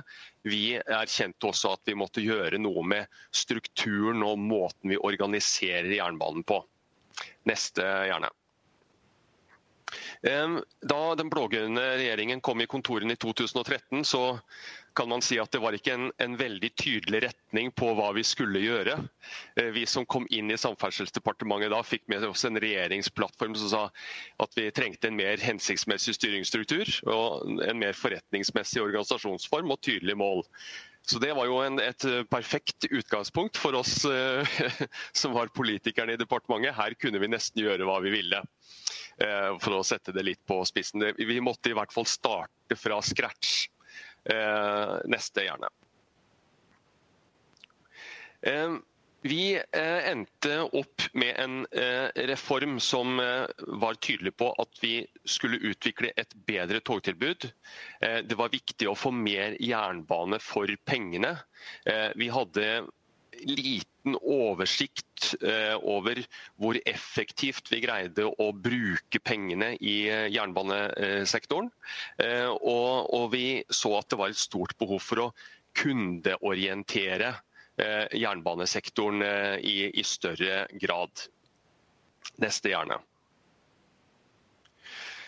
Det som, det som, har vært kan vi si det politisk kontroversielle Eh, i jernbanereformen vår, eh, det er nok eh, det som, som handler om konkurranse om persontogtrafikken. Eh, jeg tror det var, Man kan si at det har vært bred enighet om at vi måtte gjøre noe Eh, med jernbanesektoren. Eh, og jeg tror vi har hatt, eh, kan si at vi har hatt bred tilslutning til mye av det som har skjedd. Eh, men jeg legger ikke skjul på at konkurranse om persontogtrafikken, eh, der har det vært en til dels heftig politisk debatt. Da vi gikk løs på reformarbeidet, så ville vi jo gjerne hente inn erfaringer eh, fra, eh, fra andre land. Eh, og vi, vi, hadde tidlig bestemt oss for at vi ville i retning av konkurranseutsetting av persontogtrafikken. Da var det naturlig å, å besøke Sverige, Storbritannia, eh, Tyskland, eh, men også Sveits, som for så vidt ikke har eh, noen særlig grad av konkurranse. Men se liksom hva, hvilke erfaringer kan vi bringe med oss som er viktige. Eh, vi valgte en eh, modell eh, der, eh, der, vi har delt inn landet, jernbanelandet i ulike regioner. Ulike trafikkpakker Eh, hvor vi da eh, legger strekningene og et ønsket togtilbud ut for konkurranse i da regioner og på strekninger. Eh, den som da vinner konkurransen, hvor, eh, hvor pris og kvalitet er eh, veiet noenlunde likt, får retten til å eh, kjøre tog for en ca. tiårsperiode. Dette har vi eh, vunnet noe erfaring med allerede. Eh, vi har konkurranseutsatt eh, Sørlandsbanen, som da går mellom Oslo, Kristiansand, Stavanger i hovedsak. Den har vi hatt erfaring med å ha en ny operatør. Britiske Go-Ahead opererer den strekningen, også med lokaltogstrekninger inn mot, inn mot byene. Eh, og eh, Trafikkpakke 2, eh, som i hovedsak eh, representerer det meste av togtrafikken fra Oslo til Trondheim og videre nordover til, til Bodø. Den var det svenske Jernvegar som vant. Eh, den tredje som eh, ble lagt ut eh, i markedet, det var Oslo-Bergen, Bergensbanen. Eh, mellom våre to største byer, og som også er en vesentlig turistbanestrekning. Eh, den var det vårt norske Vy, det tidligere Norske Statsbaner, som, som vant. Og så er vi i gang med konkurranseutsetting av det som da blir mer den trafikken rundt Oslo, som er det største, definitivt største, største volumet. Det vi var spesielt opptatt av eh, å, eh, å, unngå, som man kanskje i varierende grad har lykkes med i, i, i Sverige og Storbritannia. Håper ikke jeg fornærmer noen nå, men eh, var å unngå at de reisende, passasjerene, skulle oppleve en, en, fragmentering av togtilbudet, og at man så å si må, øh, må orientere seg for å kjøpe billett og, og, sette sammen en reise ved å lete seg frem blant ulike operatører. Eh, vi har hatt god erfaring, særlig vi som øh, bor i Oslo-området, over veldig mange år ved at eh, den lokale kollektivtrafikken og togtilbudet Eh, og da snakker jeg om alt fra T-baner til trikker, til busser, til eh, ja, båter eh, og togtilbud. Du kan kjøpe én billett i én app eller på én plattform eh, og, og kjøre og, og, bytte mellom ulike transportformer. Eh, det tar vi vel sikkert som en selvfølge i alle hovedstadsområder og, og mer til i, i, dag. Men det var viktig for oss å beholde det elementet i jernbanesektoren også. At man kan gå ett sted å kjøpe eh, alle togbilletter et sted for å finne ruteinformasjon om all, eh, all togtransport. Så eh, vi slapp opp altså for nye operatører, eller en konkurranse, men, men ønsket samtidig at, eh, at, vi skulle kunne møte kunden, møte passasjeren på én plattform. Det ble viktig eh, for oss. Da kan vi gå til neste. Og så ser jeg at tiden flyr. Jeg skal eh, passe på å holde rutetabellen. Ja, det er fint. Dette... Hvis, hvis, du skal nok nå det, så bare ta det rolig.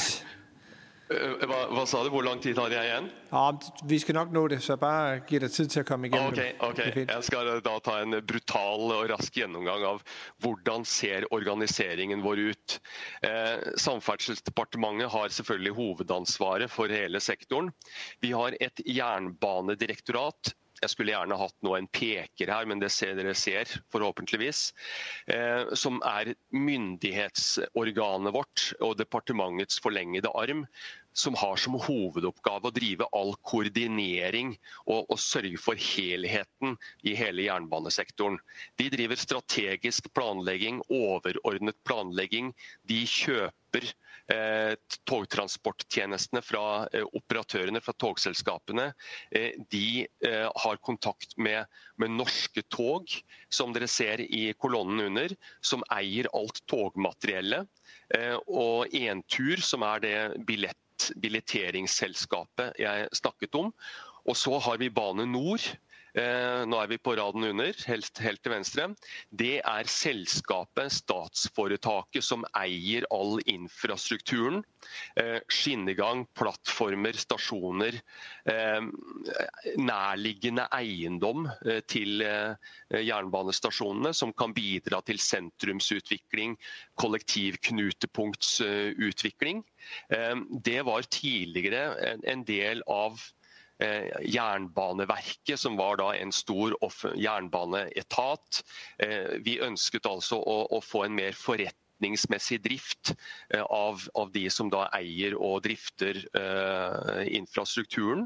Eh, mens vi har da ulike selskaper som, som, leverer tjenester til Bane NOR. Noe av det er utsatt for konkurranse, noe av det er ikke. Eh, Eksempelvis eh, er vi i gang med å konkurranseutsette all drift og vedlikehold eh, av jernbanen. Det skjer suksessivt eh, fra faktisk nå i 2021 og de nærmeste årene. Da skal jeg gå inn for, eh, landing. Jeg vil si at det tar tid. Det tar tid å endre kultur Eh, og struktur. Eh, det tar ikke nødvendigvis så lang tid å, å vedta en ny organisering eh, av en stor sektor, men det tar tid å, eh, å, å få den til å sette seg og fungere godt.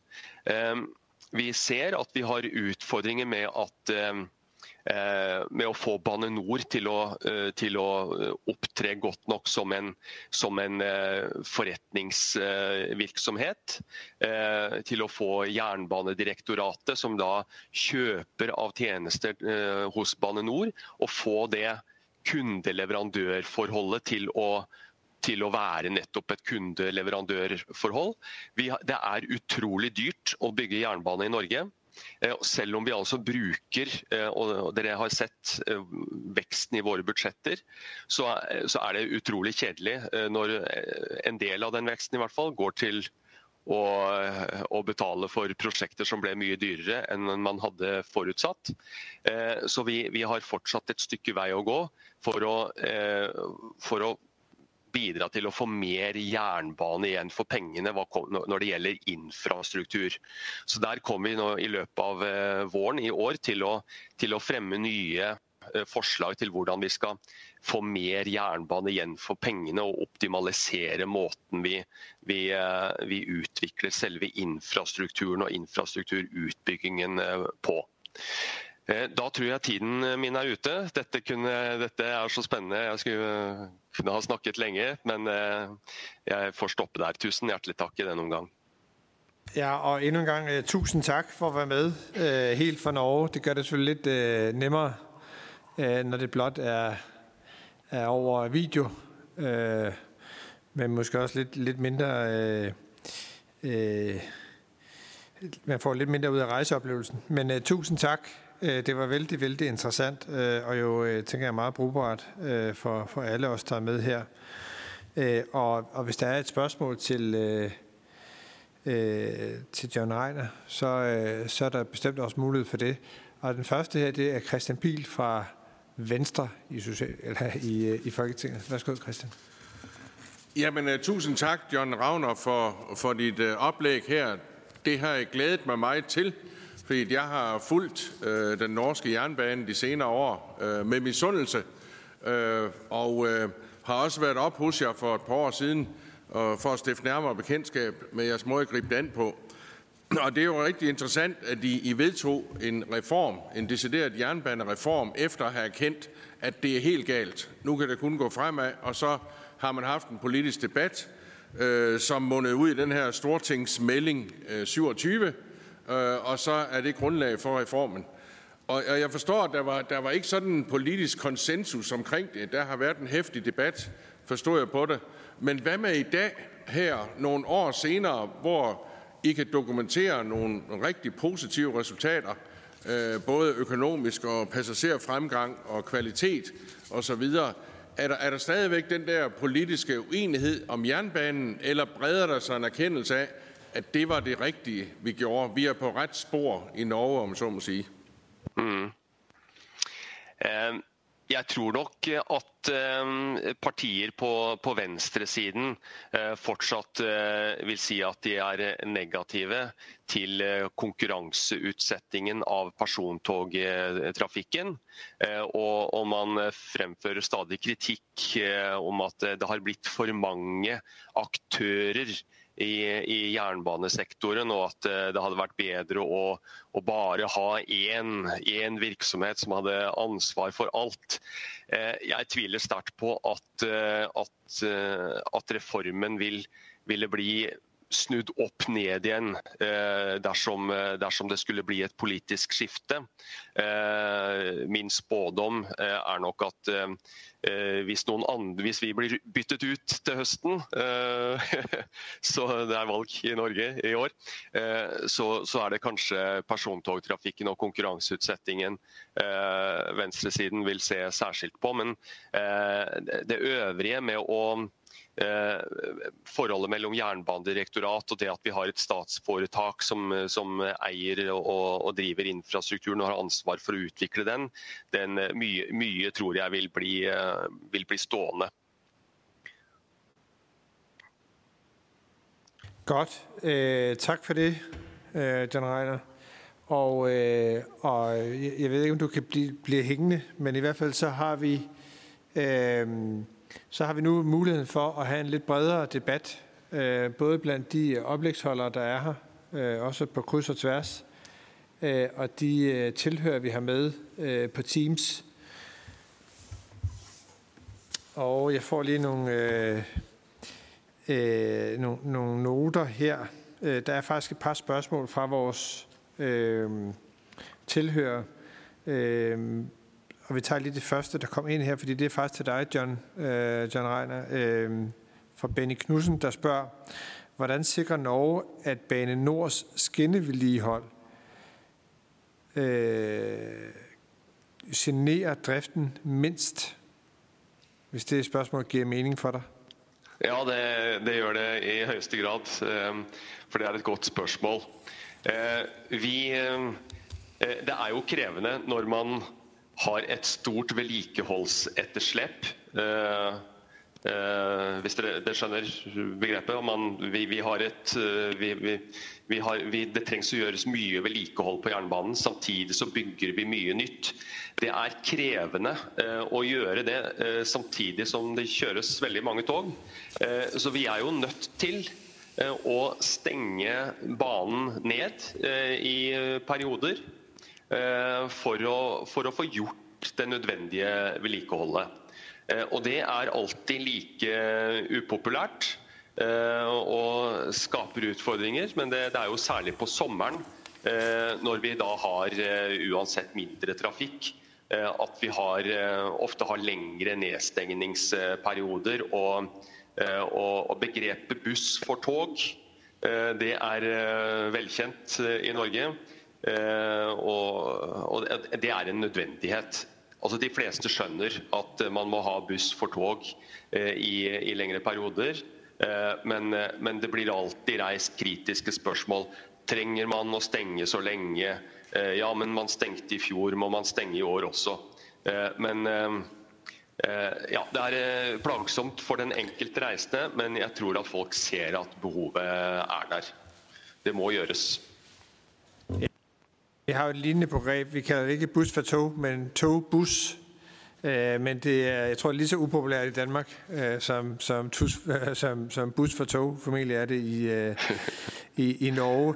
Øh, der er et andet spørgsmål også til dig fra Anders, øh, der spørger, formår Bane Nord at levere et stabilt og kontinuerligt produkt til operatørerne? Det, eh, det, er jo også et eh, godt spørsmål. Vi, vi har jo stadig den situasjonen at, at, vi sliter med at jernbanen var forsømt i, i mange tiår. Eh, så, så, spørsmålet er jo eh, hva, kan, hva, hva man rettmessig kan forvente av Bane NOR. Eh, I og med at de på mange steder fortsatt forvalter et museum, hvis jeg kan eh, sette det noe på spissen. Eh, så, eh, det, eh, og så erfarer vi også at eh, fordi vi kjører flere tog, hvis dere husker fra min første slide, så, så kjører vi 100 flere daglige togavganger eh, i dag eh, mot for hva vi gjorde for seks-syv eh, eh, eh år tilbake. Eh, og eh, røffere klima, mer ekstremvær, gjør at vi også må øke vedlikeholdsinnsatsen eh, vesentlig. Jeg husker Da vi kom inn i departementet i 2013, så vi, eh, da, da visste vi at vi måtte bevilge 2,3 milliarder kroner til såkalt fornyelse av jernbanen. Eh, den delen av drift og vedlikehold som gjør at, som gjør at eh, banen holder en, eh, en, en, en god standard, og at vedlikeholdsetterslepet ikke øker. Nå vet vi at vi må bruke 3,5 milliard eh, i året for, å, eh, for at ikke eh, vedlikeholdsetterslepet skal øke. Så vi, vi, må bruke mer penger på vedlikehold. Og mm, jeg, jeg, tror at Bane NOR leverer vi kan si at Bane NOR leverer det man kan forvente. Men Bane NOR vil si, og det sier de offentlig, at vi politikere bevilger for lite til vedlikehold og fornyelse. Vi står i et stadig dilemma mellom å bruke penger, nok penger på vedlikehold eh, og å bygge nye jernbanestrekninger. Eh, og, og, og, der, ja, dere skjønner, dere, dere er politikere, dere, dere skjønner eh, dilemmaene. Det er, det er, ikke så populært å, å, bevilge penger til vedlikehold, selv om det er eh, aller mest nødvendig. Folk vil ha nye jernbanestrekninger og raske tog og et eh, fantastisk tilbud. Okay, øh, tak. Øh, der, der bliver ved med at komme de forskellige spørgsmål ind, og vi, vi tager lige et andet. Øh, og så har jeg også noteret, at Christian Pihl, du, du skal nok... Øh, men men øh, bliver du hængende, John Ejner? Ja, ja. Ja, det er godt, fordi så øh, kan det godt være, at vi lige tager lidt forskelligt. Øh, det er en af de gode øh, folk op fra Nordjylland, Ole Stavad, øh, som jo stiller et spørgsmål til Ole Kein. Øh, hvem bliver politisk ansvarlig myndighed når der ikke bliver sammenfald mellem regioner og de regionale trafikselskaber. Og det, jeg tror, vores, vores gode mand Ole han refererer til, det er jo, at hvis man har fem regioner og tre trafikselskaber, hvem er så politisk ansvarlig? Det, ja, altså øh, det, at man reducerer til, til tre trafikselskaber, øh, beror jo på, at man, øh, man prioriterer koordineringen øh, af den regionale trafik på, i alle tra trafikformer for at få en bedre øh, koordinering. Og så er det klart, så, så bliver der jo et, et, øh, et trafikselskab, som øh, kommer til at referere til flere regioner. Øh, og det, det er jo et af de steder der, hvor vi, hvor vi siger, jamen vi kaster en idé ud, og, og detaljerne i den øh, skal man jo så diskutere som en af de ting, som, som øh, skal implementeres øh, ved hjælp af, af, af gode idéer fra parterne. Men jeg er sikker på, at, at øh, to regioner godt kan samarbejde om et trafikselskabs, eller kraven til et trafikselskab at være politisk, øh, politisk ansvarlig for det. Øh, det store spørgsmål plejer jo gerne at være økonomien.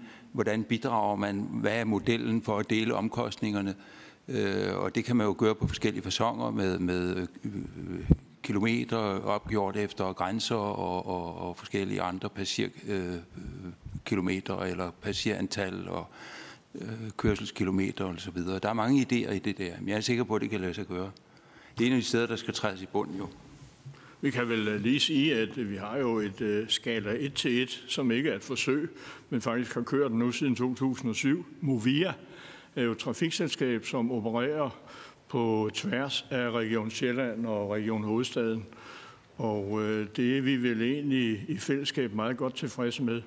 Man kan sige, at øh, vores forslag på det punkt øh, går på at videreføre Movia som et styrket trafikselskab, men altså også som et trafikselskab, som udover at have ansvaret for busserne, øh, det gælder både de kommunale og de regionale buslinjer, og ansvaret for, øh, øh, for det, lokalbanerne, så også skal tage på sig ansvaret for den øvrige regionale trafik. Øh, så samspil på tværs af regionsgrænser, øh, synes vi da, at der er et godt eksempel med Movia, som sagtens kan virke. Øh, og øh, som Ole er inde på, så drejer det sig om at få en vis øh, stordrift i, i det her. Og derfor er det jo, når vi nu tager banerne ind under den regionale hat, at så duer det ikke, at, at den regionale trafik skal håndteres i de her små trafikselskaber. Så må det kunne lade sig gøre at køre de tre enheder i stedet for. Tak for det. Og så giver jeg ordet til Christian Biel. Værsgo. Ja, lige en kommentar til, til det her først. Det, det er jo en spændende tanke, fordi en af de udfordringer, jeg ser, det er jo at få mere sammenhæng i den samlede kollektive transport, for eksempel i hovedstadsregionen, hvor det er noget fragmenteret, og hvor man øh, optimerer køreplanlægning i forskellige retninger. Hvor, hvor mit skoleeksempel, det er München, hvor man har MVV, Münchener Verkehrsverband, hvor man har sådan en, en overbygning, som sørger for, at det spiller sammen som en symfoniorkester. Og jeg, jeg tror, det er lidt de tanker, I er inde på, hvis jeg forstår det rigtigt. Det skal hænge bedre sammen på tværs af busser, letbaner, S-tog osv. Øh, og det synes jeg er en spændende tanke, der er værd at arbejde videre med. Men jeg har et, et, et par, par spørgsmål mere til, øh, til, til John Ravner. Nu har vi dig, derfor vil vi gerne have mest muligt ud af dig her. Og det første, det er øh, op til den reform, som I vedtog med, med Stortingsmeldingen. Øh, øh, hvad var det forberedende arbejde? Nedsatte i en jernbanekommission med gode folk, der, der så gennemarbejdede det her, og så kom med et forslag, eller hvad var processen op til øh, jeres politiske beslutning om at igangsætte det her? Det var det første spørgsmål. Det var, vi skal tage det først. Jeg har et mere. Mm. Ja, vi var så heldige, øh, da vi øh, som øh, har vært i den politiske ledelsen nå siden 2013, kom inn i departementet, så var det gjort et godt grunnlagsarbeid. Det forelå en veldig tydelig Eh, analyse, en diagnose eh, av eh, hva som var utfordringene i jernbanen. Så vi Sånn sett så var jo halve jobben gjort. Vi, vi visste hvilke problemer vi skulle gi svar på, som handlet om eh, uklare mål, eh, uklart an, uklar ansvarsfordeling, eh, situasjon med infrastrukturen, Eh, lite kundeorientering av, eh, av jernbanen, eh, forsømt vedlikehold over flere tiår. Så vår jobb ble å gi svar eh, på de utfordringene som, som dyktige mennesker før oss hadde pekt på. Hvis, eh, ja, du, du, du, synes jo å kjenne, kjenne stortingsmeldingen godt. Og, så hvis du, hvis du, leser i den, så, så, ser man i innledningskapitlene at, eh, at analysene ligger der. Ja.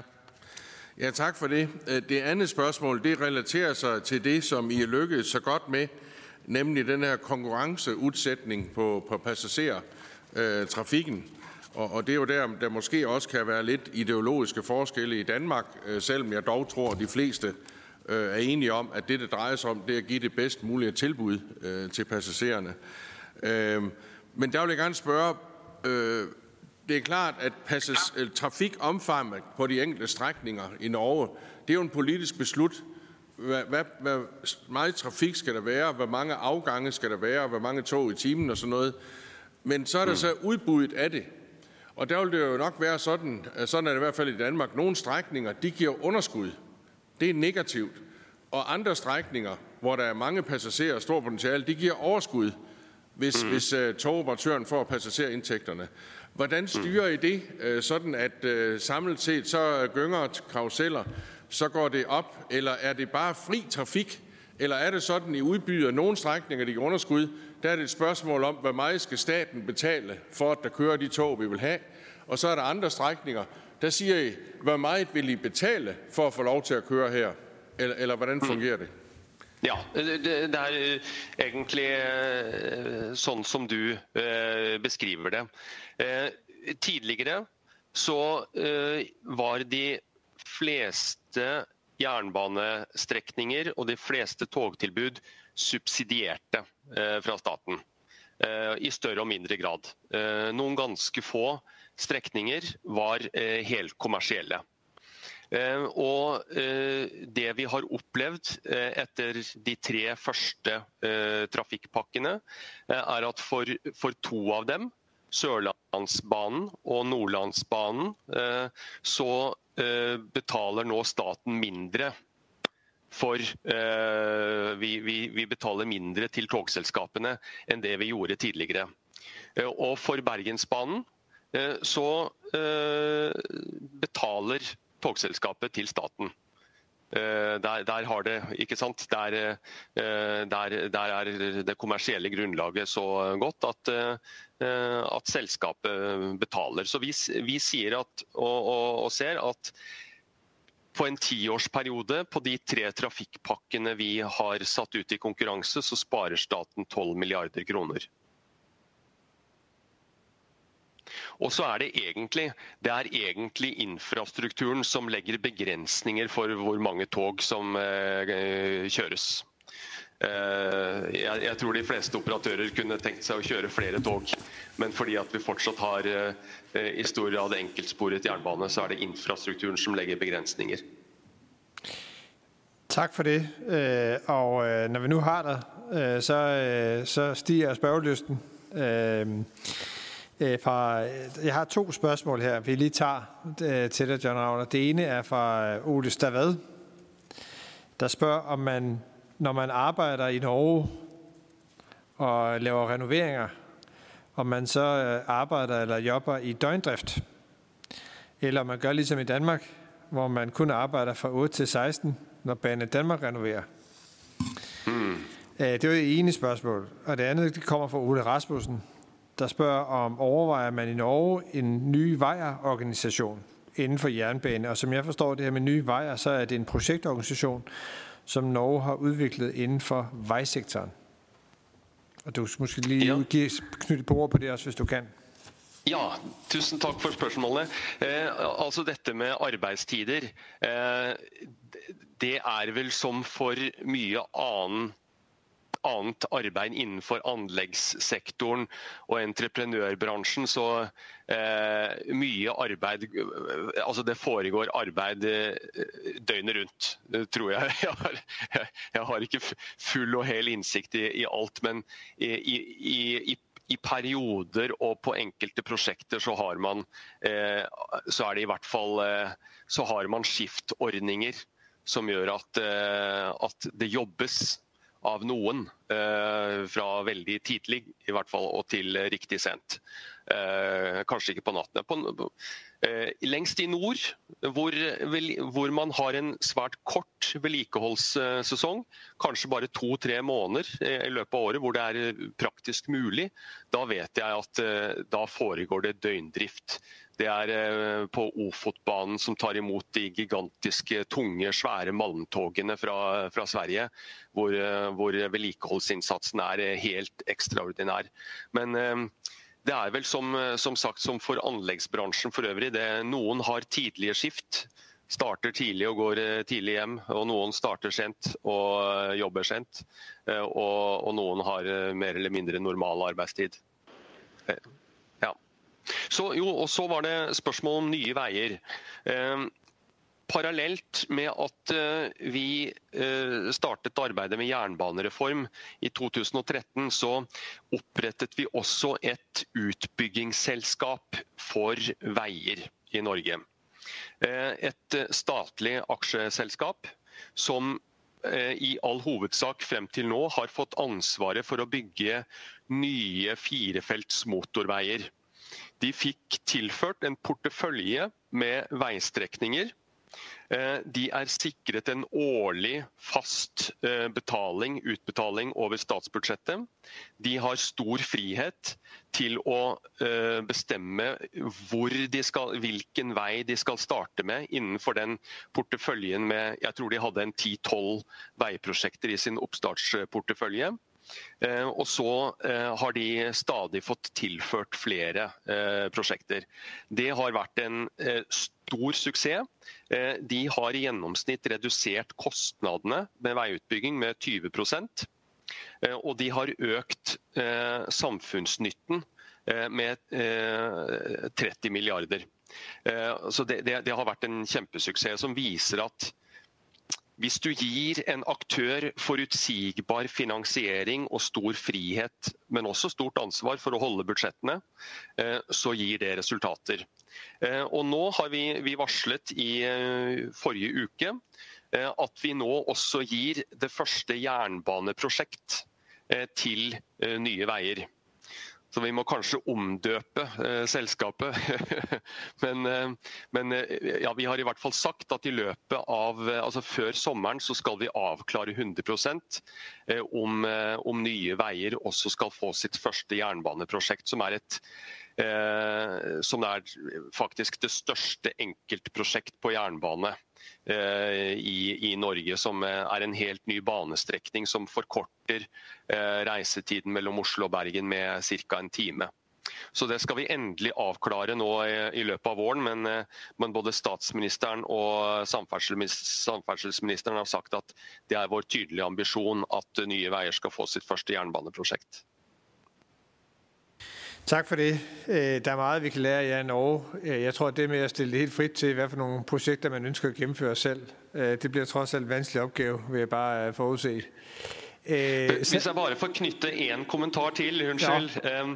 så er det, vi har, vi har sett det at på, på veisektoren, ved å ha to aktører Vi har Statens vegvesen, som alltid har vært der. Men så fikk vi Nye Veier som en helt ny organisasjon det har skapt en ny dynamikk eh, i veisektoren. Det har også gjort meget med Statens vegvesen. De har også måttet eh, begynne å tenke nytt, og vi har også gitt dem politiske rammebetingelser til å kunne operere noe mer som, eh, som Nye Veier. Og Sågar så fikk også Statens vegvesen fikk sin nye sjef, og det var hun ble rekruttert fra stillingen som direktør i Nye Veier. Så vi, Nå har vi en, en, en, positiv dynamikk, en positiv konkurranse mellom Statens vegvesen og Nye Veier, som sier at vi vil bygge den veien. Nei, vi vil bygge den veien. Og vi tror at vi kan gjøre det smartere. Og ja, nei, men vi har en annet, et annet konsept osv. Så, videre. så vi ønsker jo å bringe noe av det eh, inn også i jernbanesektoren. Mer av det. det. Det er som om det utvikler seg til et salgspitch, hvor næste gang så tilbyder du at bygge veje og jernbaner i Danmark også. Men øh, det skal vi nok lige have lidt forhandling om først. Øh, Det skal dere nok klare selv. Ja. nu giver Ole ordet til Ole Karl. Værsgo. Øh, Ja, øh, jeg øh, har lige et spørgsmål til John Havner øh, vedrørende organisationen, øh, som blev indført, øh, Øh, og specifikt til Jernbanedirektoratet. Kan du sige noget om jeres erfaringer med at etablere den sådan ret centrale organisation, som er Jernbanedirektoratet og dens kompetencer og, og dens roller? Kan du sige noget om jeres erfaringer? Ja. Eh, altså, eh, frem til reformen så hadde vi et jernbaneverk som hadde all planlegging. Eh, de var myndighetsorgan, de eide infrastrukturen, de vedlikeholdt infrastrukturen. I realiteten så delte vi Jernbaneverket i to. Direktoratet, som da myndighetsorgan, overordnet strategisk planlegging, og så var det Bane Nor som fikk ansvaret for infrastrukturen og ble infrastrukturselskapet. Eh, Vi har, eh, eh, som jeg var inne på, vi har fortsatt et stykke å gå eh, i å, å få til den rette dynamikken. Eh, mellom eh, Jernbanedirektoratet eh, og Bane Nor på den andre siden som en, som en mer forretningsstyrt eh, virksomhet. Men jeg, jeg, vi, er, vi er ikke i tvil om at det var en riktig vei å gå. Eh, og, og jeg tror vi kommer til å jeg, føler meg sikker på at vi kommer til å beholde den organiseringen videre. Men, eh, men viktig, at, eh, viktig at Jernbanedirektoratet ikke driver med for mye detaljstyring eh, av, av Bane Nor. Bane Nor må ha, må ha frihet og, og selvstendighet til å, til å drives som, som, en, som en bedrift som ivaretar og utvikler og bygger infrastrukturen.